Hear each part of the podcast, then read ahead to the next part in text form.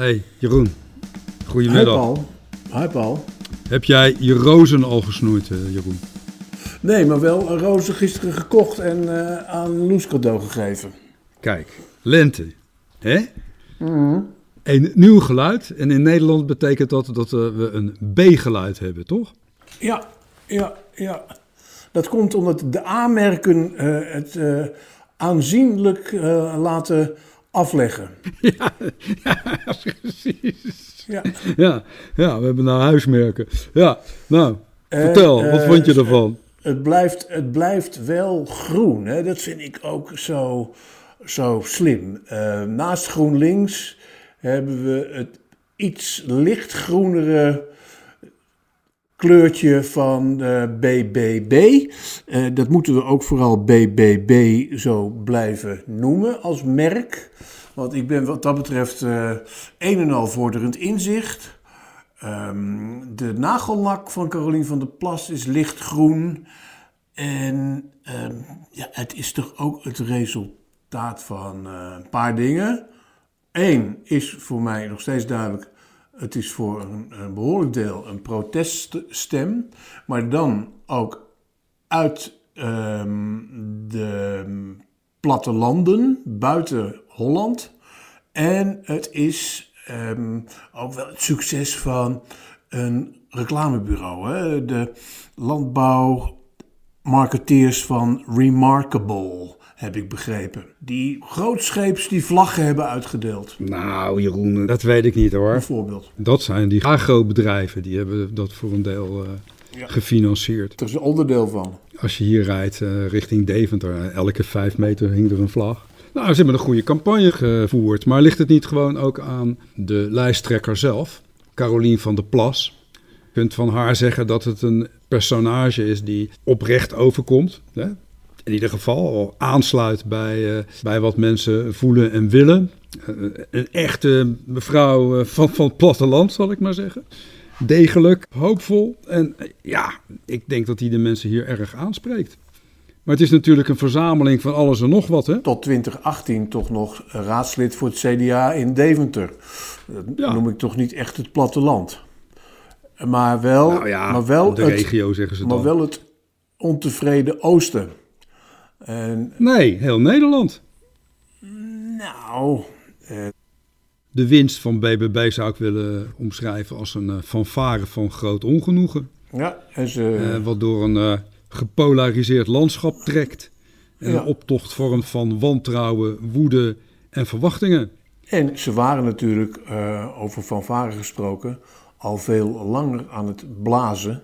Ja, En ehm, op de wind van dat geblaas wapperden ook die omgekeerde vlaggen. Maar even, even op Caroline van der Plas terug te komen. Ehm, zij is eh, eh, in dat orkest wat je omschrijft...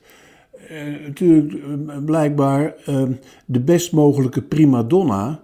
die ze hebben kunnen krijgen. Eh, het, ehm, uit eh, haar profiel, er is er steeds meer over, eh, blijkt wel hoe gepokt en gemazeld ze al was als journaliste in de agrarische sector. Dus ze weten eh, ook notabene als dochter van een voormalige sportverslaggever uit die regio, ook een- natuurlijk Wil van der Plas, voldoende van ehm, ja, het, de orchestratie en eh, de partituur om zo'n fanfare eh, de muziek te laten klinken die iedereen zo graag wilt. Ze, ze is, ze is eh, veel meer dan een, een, een boerenmevrouw. Nee, ze is een hele slimme eh, burger. zeker. En nou, blijkbaar is zij de, in haar fenomenale uitstraling van de leukste buurvrouw die je kunt bedenken. De, juiste vrouw, de juiste persoon op het protest te dirigeren. En ehm, de onderschatting die er misschien nog in het begin aankleefde toen ze als eenmans, eenvrouws fractie de Tweede Kamer aantrad, die heeft ze ehm, toch behoorlijk weten te doorbreken. Uh, door ook behendig te manoeuvreren en in haar stemgedrag in de Tweede Kamer. Um, duidelijk uh, niet met een extreem rechtsprofiel. Dat, is, dat heeft, ze, heeft, ze, zich ook uh, wel van ontdaan. Maar ze zijn stevig conservatief. Ze spreekt ook VVD en CDA-kiezers aan. Mm.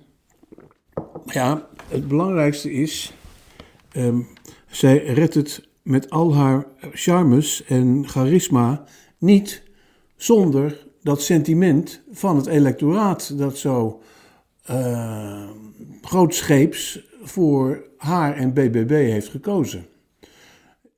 Het is vaak genoemd als een verlengstuk van wat in het begin van deze eeuw begonnen is met de LPF en overgenomen door PVV.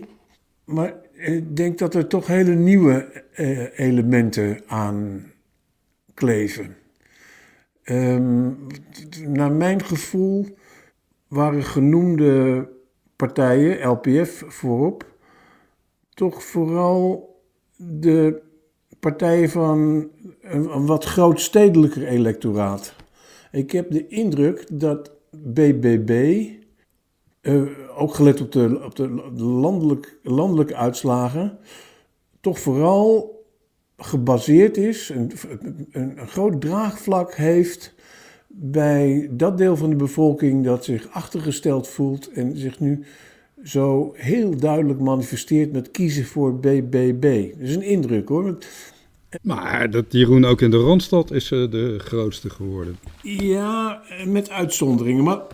Denk je niet dat het ook te maken heeft met, met het grote ongenoegen? Precies, dat is wat ik zeg. Met de situatie waarin het land verkeert. Dat, dat is wat ik zeg. Met, met de, de, de, de polarisatie, zich misdragende Kamerleden, uh, crisis dit, crisis dat het hele idee van ja, stikstof blokkeert alles, maar stikstof kunnen we niet zien en bestaat het wel? Nou, spelen blijkbaar ook nog die complottheorieën een rol. Hè? Mensen die denken dat de politici in Den Haag worden aangestuurd.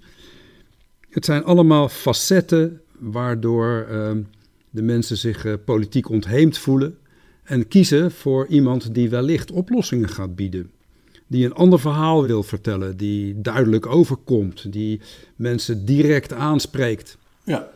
dat, dat, dat doet ze dus ook. Hè? Want als we straks gaan kijken van welk programma gaat ze nu uitvoeren en komt ze aan al die problemen van mensen tegemoet, dan is dat natuurlijk nog maar de vraag.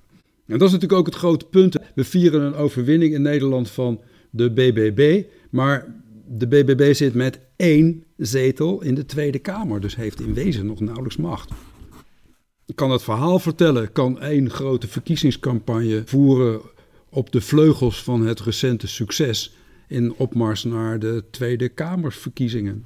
En wellicht komen die redelijk snel. Dat is een, een, een sterk uh, gerechtvaardigd vermoeden. Maar er zijn op dit punt natuurlijk bij, bij de uitleg van zo'n uitslag altijd een paar dingen. Uh, ten eerste, het robuuste uiterlijk van dit electoraat middels eh, de stempercentage. Wat mij betreft geeft het een transitie aan, eh, het beeld van Nederland. Het is, het is, het is voor, een deel, voor een deel, zeg ik, um, metaforisch gezien, het toont een verandering van zelfbeeld van Nederland. Een, een land wat um, mentaal op drift is, uh, met een, een hele uh, een verticaal opgebouwde stelsel aan, aan, aan onvredes. Eh, het gaat niet alleen over stikstof, maar ook over wonen en over migratie. Eh, alle problematiek, van deze tijd. Dat is de ene kant. Dat is de ene kant. De andere kant is uh, hoe nu verder? De werkelijkheid straks, want dat is net zoals met Amerikaanse presidenten, die mogen dan hun overwinning vieren, maar dan moeten ze regeren dan krijgen ze te maken met de weerbarstige werkelijkheid van de problematiek die zich voordoet. Ja, en we moeten nog wel even een kanttekening praten. De BBB is de grootste onder de snippers. Hè? Dus er zijn nu zo'n grote hoeveelheid aan partijen.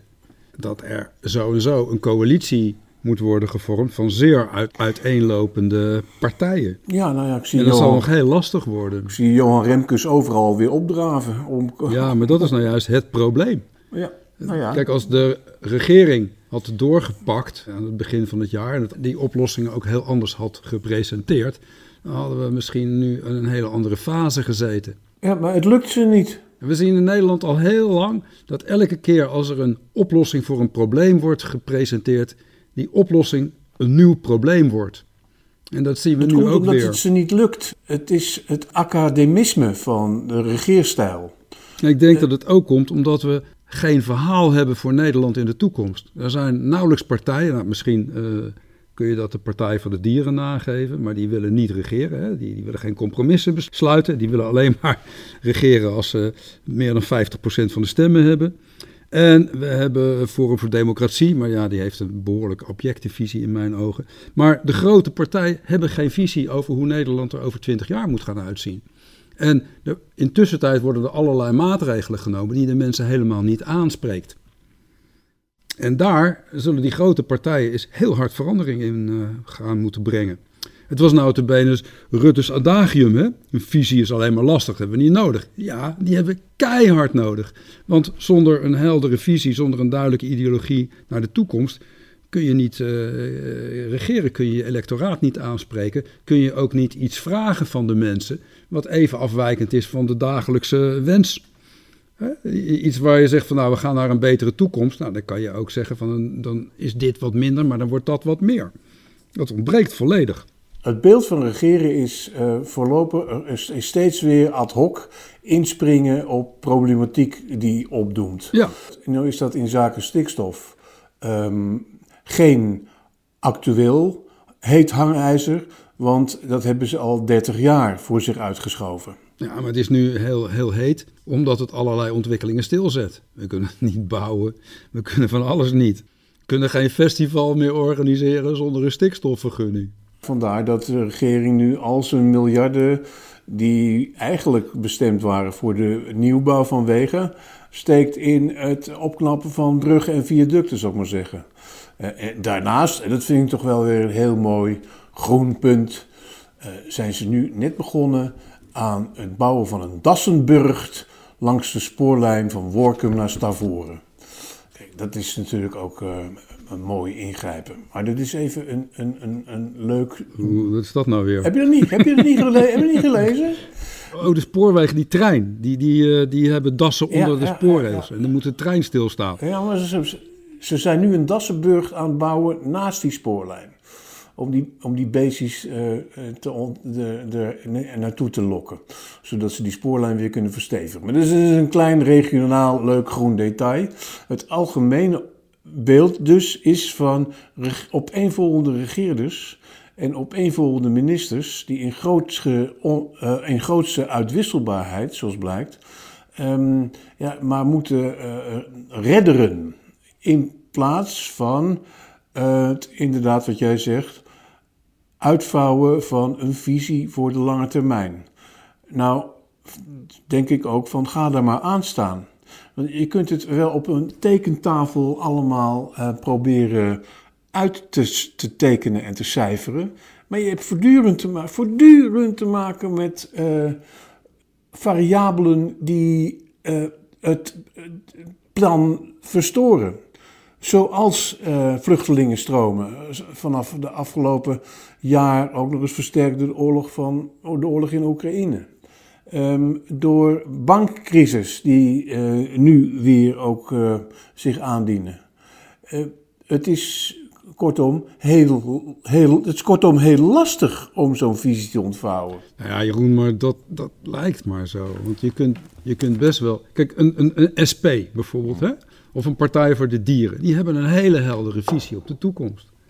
Eh Forum voor Democratie heeft dat ook. Die hebben visies van hoe de toekomst eruit gaat zien. Dat had vroeger het liberale deel van, van de Nederlandse politiek had dat ook. Socialisme had een hele sterke visie. Verdelen van eh, inkomen, ehm, wat was het, eh, die drie slag. Kennis en kennis. Inkomen, kennis en macht. Ja. Heeft een goede visie op het onderwijs, visie op de zorg, visie op migratie. Het ontbreekt. En daardoor krijgen we dat hapsnapbeleid. Als je bijvoorbeeld bij migratie ziet, hè, men is totaal niet voorbereid op de instroom van de vluchtelingen. Terwijl Nee, dat zeg ik toch? iedereen die daar goed over nadacht, al had kunnen aanzien komen wat er ging gebeuren. Ja, en, en, En we zijn nu een jaar verder met de mensen uit Oekraïne. We hebben nu weer heel veel jonge asielzoekers die hier komen. zeker. We hebben geen huisvesting, we hebben geen onderwijs. dus we hebben wat het allemaal niet Wat geregeld. dat betreft is het precies eh, weer zoals het twintig jaar geleden was. Toen Pim Fortuyn reden genoeg had om te roepen dat Nederland vol is. En er is geen halt aan toegeroepen.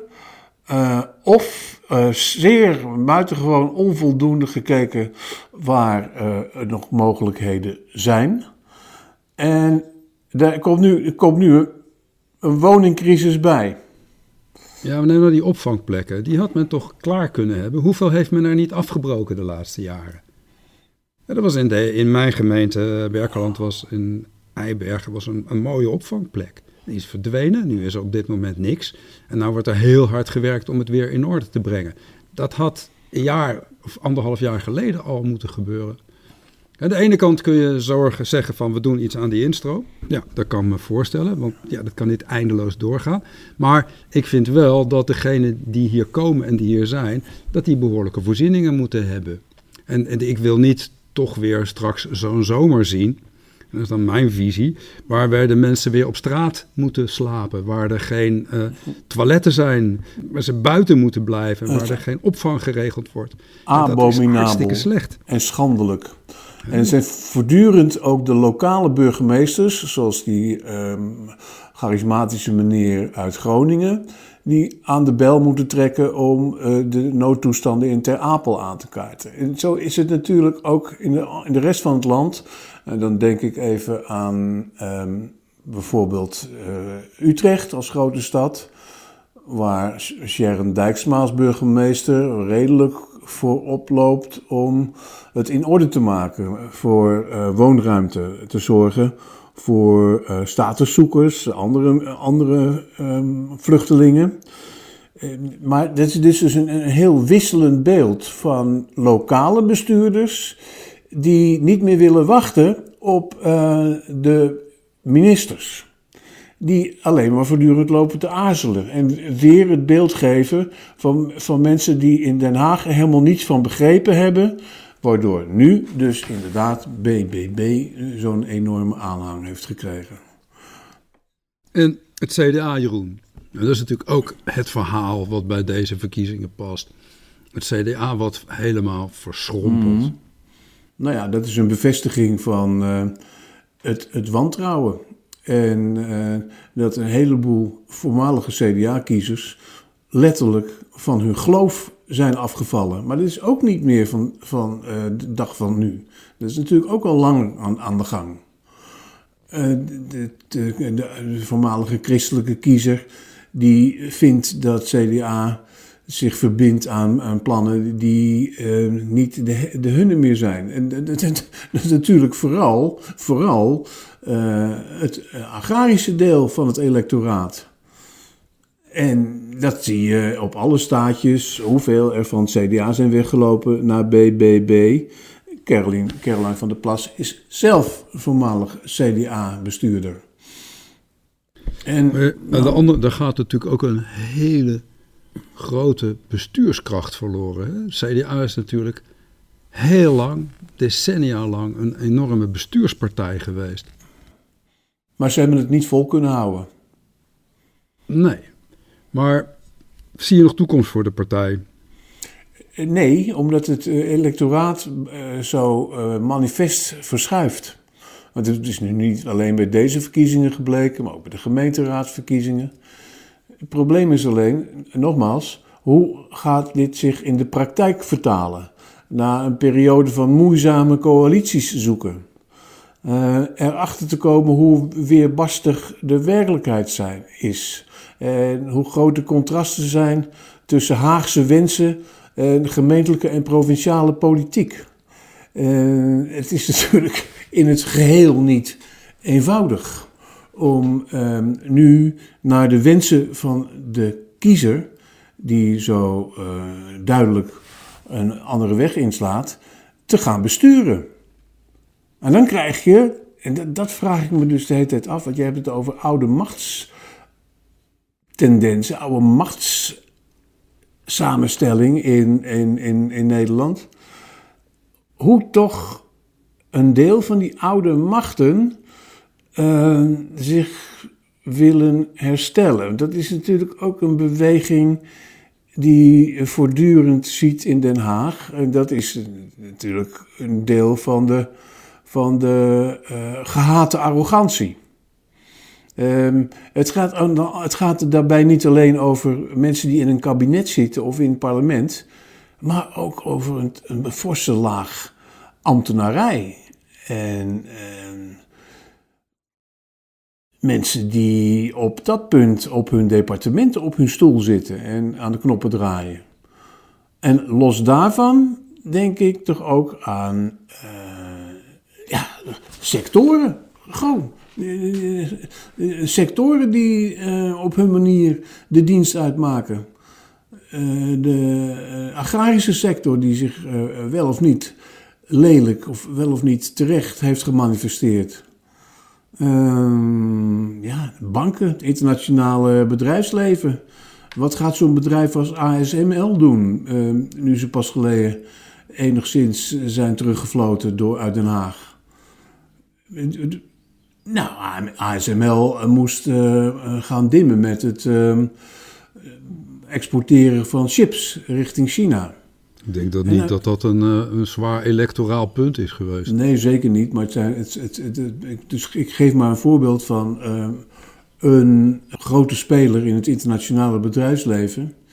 Ja, ik zie toch, toch wat anders. Ik zie, ik zie uh, die, die, die onvrede, en misschien komt dat omdat ik natuurlijk ook in de regio woon, ook voortkomen uit uh, niet meer mee kunnen. Dingen gaan echt gaan missen. Laat een voorbeeld. Uh, die, die hele digitalisering is voor mensen best wel lastig.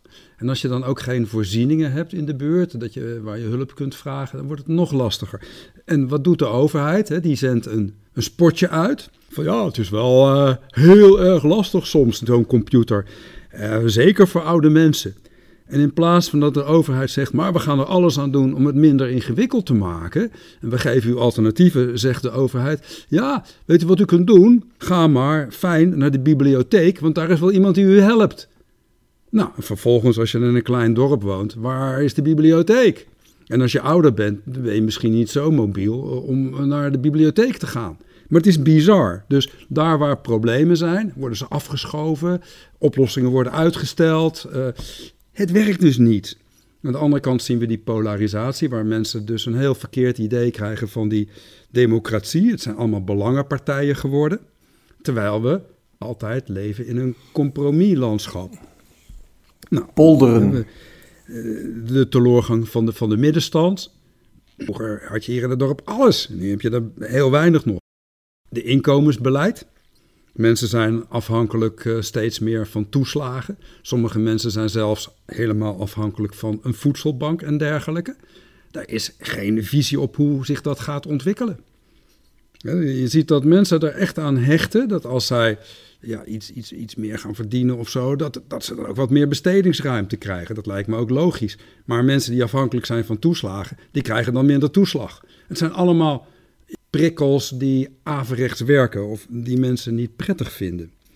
En ik denk dat, dat de politiek daar iets aan moet gaan doen. En dan moet er ook een nieuwe bestuurscultuur komen. Mensen moeten weer kunnen vertrouwen in een overheid die er voor hun is. Nou ja, de overheid. Wat het CDA zou kunnen doen, of misschien zou moeten doen, morgen met een hele grote bos bloemen en uh, uh, weet ik wat voor, voor mooie dingen en beloften, is op zoek gaan bij Pieter Omzicht. En die partij is in zijn schoot werpen. Ik denk dat dat electoraal nog wel eens een heel goed zou kunnen werken. In wezen is Pieter Omzicht natuurlijk een CDA'er. Je vindt dat ook terug in, in zijn standpunten. Hè? De, de, zorg voor, voor de natuur, de zorg voor de mens, de zorg voor et cetera. En het is een technocratenpartij geworden. Het is, een, het is en blijft een Judasse partij, omdat Pieter, Pieter Omtzigt op een hele lelijke manier in de keuze voor hem of, Piet, of uh, Hoekstra een beentje is gelicht. En daarom uit het CDA is vertrokken. Ja, Mona Keizer, ook verdwenen. Dat waren toch de mensen die het electoraat Nou, aanspraken. dan gaat een bos bloemen niet werken. En de, de kiezer heeft dat ook door. Die heeft zich op die manier van het CDA afgewend. En Zou, zou die dan uit de Kamer verdwijnen, Pieter Omzicht? Dat is toch wel een hele belangrijke factor. Als je nu kijkt wat hij doet aan parlementair werk, die is fenomenaal. Hij stelt de juiste vragen, duikt diep in de onderwerpen. Ja, nou ja, En heel veel politici eh, doen dat op dit moment niet. Of ontbre- ontbreekt ze aan kennis. een soort parel eh, die behouden moet blijven. En nou ja, dat is dus de, de, de, de grote vraag. Blijft zo'n man in de Kamer? En gesteld dat er eh, op een of andere manier toch voortijdig nieuwe Tweede Kamerverkiezingen komen, hoe de, zullen de verhoudingen er dan uitkomen te zien? Ja, precies. En ik, ik denk, ik denk overigens niet dat het zo'n bende wordt als destijds met eh, LPF. Want dat waren vooral allemaal macho's. Je bedoelt dat BBB? Ja, ja. Nee, ik denk ook niet dat die eh, al te makkelijk uiteenvalt. Nou, Maar het is nog een hele klus, Jeroen. Want kijk, ja, nu is in ieder geval eh, provinciale staten. Daar kunnen ze op één thema zich profileren. Maar als ze straks in de Tweede Kamer zitten, zullen ze op al die programmapunten, waarvan ik een aantal net heb genoemd, toch een oplossing moeten hebben. Ze zullen de mensen moeten gaan aanspreken binnen hun electoraat. En als het electoraat verenigd is eh, rond onvrede, dan zal dat nog heel erg lastig worden. Ja, nou ja, voor iedereen natuurlijk. Die onvrede is niet zomaar weg. En als blijkt dat ze straks in, eh, in de Staten eh, ten eerste toch niet dat voor elkaar krijgen wat, eh, wat iedereen wil, dan heb je opnieuw een testmoment ook voor BBB. Ehm, Paul, even eh, nog, nog andere grote nationale emotionele debat. Werd vrijdagavond nog eens verrijkt met een langdurig interview met Tom Egbers, de gevallen man van Studiosport. Ik heb de man natuurlijk meegemaakt als, als collega. Beetje een beheerste blondine. Ehm, man met een zekere ingetogenheid. Er is natuurlijk niet zo mooi wat gebleken is. Alleen wat ik zo kwalijk eraan vind, is dat hij voor een affaire van 15 jaar geleden nu aan de schandpaal wordt genageld. Het was eigenlijk meer een, eh, een, een intense vriendschap, begrijp ik. Ja, ja, ja. En een, eh, ja, misschien eh, met wederzijds verschillende verwachtingen uiteindelijk. Maar ja, joh, ik, ik was nogal geschrokken na dat interview. Ik denk, oei, was dat dan wel nette journalistiek van de Volkskrant? Een affaire die zo lang geleden heeft plaatsgevonden in een hele andere cultuur. En dan ook eh, waar het eh, tot een paar zoenen beperkt is gebleven. Ja, eh, waarin hij zelf het een en ander heeft gemeld aan zijn eindredactie. Waarbij de eindredactie heeft gezegd: joh, jullie moeten professioneel blijven samenwerken. En dat dat blijkbaar ook nog een, een tijdje is gelukt. Nou, er zijn wat onwelgevallige woorden gevallen. Dat is het. Ja, Ja, het werd heel klein. Wat mij ook opvalt hè, in deze eh, affaires. Kijk, aan de ene kant zie je een cultuur waarin jonge mensen niet tot hun recht kunnen komen of waarbij gepest werd. Ja, ik heb een tijdje in die cultuur gefunctioneerd. oh ja, ik ook. En jij ook. En het wa- was een andere tijd. En dat, dat pestgedrag, dat herken ik wel hoor. En dat, machts, dat machtsgedrag, dat herken ik zeker wel. Eh, Ik heb het eh, in die zin een herinnering aan een langdurige periode van, van bloei en alle kansen hebben. En niet zo eh, last van pestcultuur of machtsmachinaties. Alleen aan de lijve ondervonden, de laatste jaren van mijn loopbaan, ehm, dat er een hele sterke tendens was naar verjonging.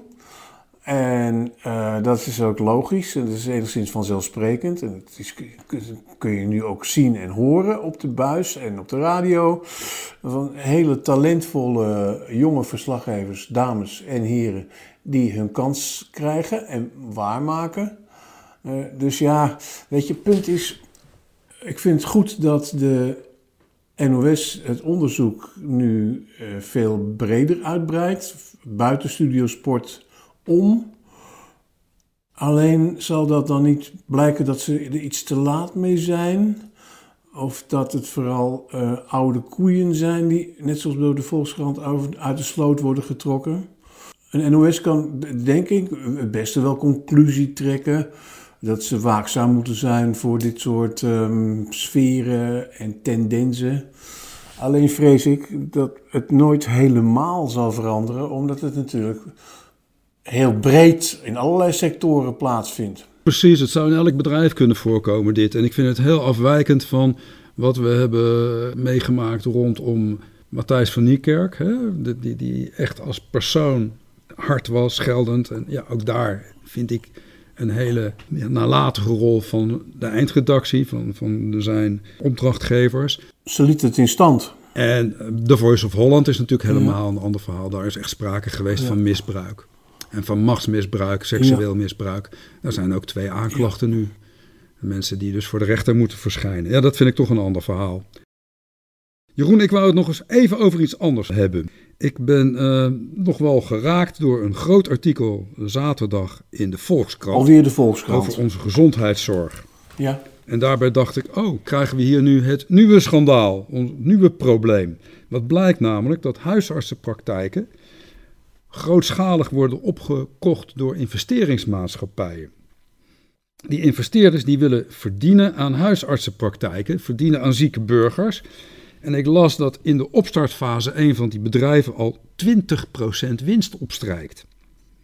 Nou, die winst die wordt dan betaald door de burgers, de overheid. En dan zien we aan de ene kant, we hebben al winsten door verzekeringsmaatschappijen. We hebben winsten door investeerders. Maar uiteindelijk moet het worden betaald door de burgers van Nederland. En hier lekt dus zorggeld weg. Nou ja, er staat ook boven dat artikel: de dokter heeft even geen tijd voor u. Ik heb mij ehm, steeds afgevraagd uh, waar de dokter zelf, waar de, de huisartsen zelf hier blijven. Uh, terwijl de afgelopen jaren er ook regelmatig veel publiciteit is geweest over hoe ze zuchten onder allerlei administratieve taken. Dat ze te weinig aan huisartspraktijk toekomen. Uh, daarnaast vraag ik me ook af of dit in wettelijke zin ook wel door de beugel kan. Gebeurt al, Als de zorg op deze manier, op, die, op deze manier na de ziekenhuizen en de privatisering daarvan, de commissie rond de ziekenhuizen, of dit de uh, huisartsen eigenlijk wel bevalt. Of de, do of, de dokter, of de dokter het wel goed vindt. Of de dokter het wel goed vindt dat hij wordt opgekocht. Ja, dat blijkt. De dokter belt zelf met een van deze organisaties. Er worden in het artikel genoemd COMED, Centric Health en Quinn. Van, weet je nog, die televisieserie Dr. Quinn? Ergens in het Wilde Westen. Maar goed, uh, ja, de dokter blijkt zelf te bellen. Die, uh, op een gegeven moment, ja, die, die denken van het is wel comfortabel. Ik ben in loondienst. Uh, ik krijg een goed salaris. En ja, mm. klaar. Nee, de, de, de patiënt is uiteindelijk de dupe, denk ik. En hier hebben we dus over visie. Hier zou de politiek een visie op moeten hebben. Hoe ontwikkelt zich onze gezondheidszorg? Want draai dat straks maar weer eens terug. Het meest kwalijke schijnt te zijn, uh, lees ik in het artikel, een goed artikel trouwens, dat een arts in dienst, uh, zou je kunnen zeggen, is een arts van dienst. Dus er is geen vaste huisarts meer, geen vertrouwensband. En het is nogal een digitale dokter, want en dat is dan heel bizar wat ik dan lees, dat een praktijk krijgt geld voor patiënten, zo en zo, een vast bedrag. En dat blijkt dus dat elk bezoek aan de huisarts eigenlijk niet echt rendabel is. Dus gewoon minder opbrengt. Dus die grote organisaties die hebben belang bij het spelen van digitale dokter. En straks krijg je een keuzemenu. Heeft u een uh, hoofdpijn, toets 1? Heeft u een gebroken been, toets 2? Heeft u een gewone vraag, toets 3? Ja, dat is toch wel griezelig. Maar daar blijkt natuurlijk ook geld hangen aan de, aan de strijkstok, wat gewoon bedoeld is voor, voor ziekenzorg. En dat gaat naar investeerders. Ja. Ja, die, die, die dokters te weinig, dat, dat zeg je terecht. Maar er blijkt ook een hele foute planning gemaakt te zijn. Het was vroeger toch het vak waar, waar heel veel mensen nou ja. Op de universiteit voor moesten wachten. Er was een, een numerus clausus, dan moest je nog loten daarna.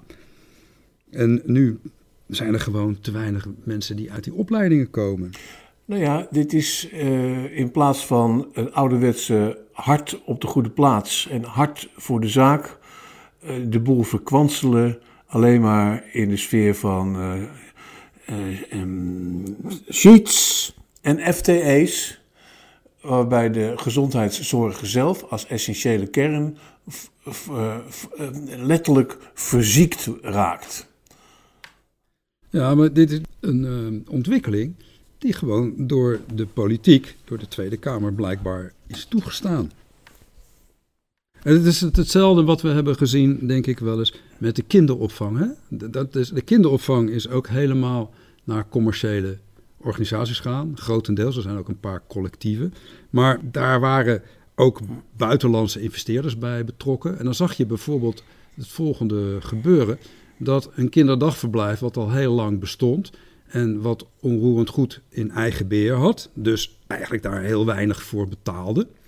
Als je een uh, pand hebt, ja, wat, dan betaal je een beetje onroerend goed belasting en dat is het. En verder voor onderhoud. Maar wat deden dan die investeerders? Die verkochten de panden en dan moesten de uh, kinderopvangbedrijven... die moesten hun eigen oude pand terug gaan huren. Hetzelfde wat je hebt gezien bij, bij uh, grote warenhuizen in der tijd die door buitenlandse investeerders werden opgekocht. En het resultaat is dat die hele kinderopvang alleen maar duurder is geworden. Als we nou straks de boel gratis maken, ja, dan hebben die investeerders helemaal een machtspositie. Dat zag je ook bijvoorbeeld bij de schoolboeken. Dan moet je eens kijken wat schoolboeken duur geworden zijn, man. Sinds ze gratis zijn. Allemaal digitaal, allemaal met licenties en noem maar op. Ik schrik me een ongeluk wat ik uh, daar tegenkom. En dit zal misschien wel eens het volgende schandaal weer kunnen worden. Ja, nou ja, goed. Het is een, een stapeling, hè? Gezondheidszorg, kinderopvang, schoolboeken. Dat gaat allemaal over hart en ziel. Nou, Jeroen, het gaat gewoon, het gaat gewoon over het ontbreken van een toekomstvisie. Een heldere visie van wat je als gemeenschapstaak ziet en wat je als gemeenschapsbezit ziet. Nee, het gaat om het, het gaat, wat ik bedoel, uh, dat het een enorm verlies is aan wezenlijke zorg. Uh, of hij wordt heel veel duurder en onbetaalbaar. Ja, maar wat voor over visie gesproken, toch wel een essentieel onderdeel is van um, hoe de samenleving gezond verder moet. En dan, gaat het uh, niet over geld verdienen, maar over gezonde mensen. Die goed onderwijs krijgen en die goed worden opgevangen. Dus ja, nou ja, dat besef dat mag uh, blijkbaar dan ook in Den Haag weer eens in de oren geknoopt worden. Prima, nou dat vind ik een uh, mooie opdracht die we dan uh, meegeven aan ook de BBB. Om daar eens even goed over na te denken. Hè? Luister, luister goed naar Hakketak, mensen. ja. Dan wordt het land weer gezond van. Oké, okay, nou, ben benieuwd wat we de komende week weer tegenkomen, Jeroen. Oké. Okay. Tot de volgende keer, volgende week. Hi. Hi.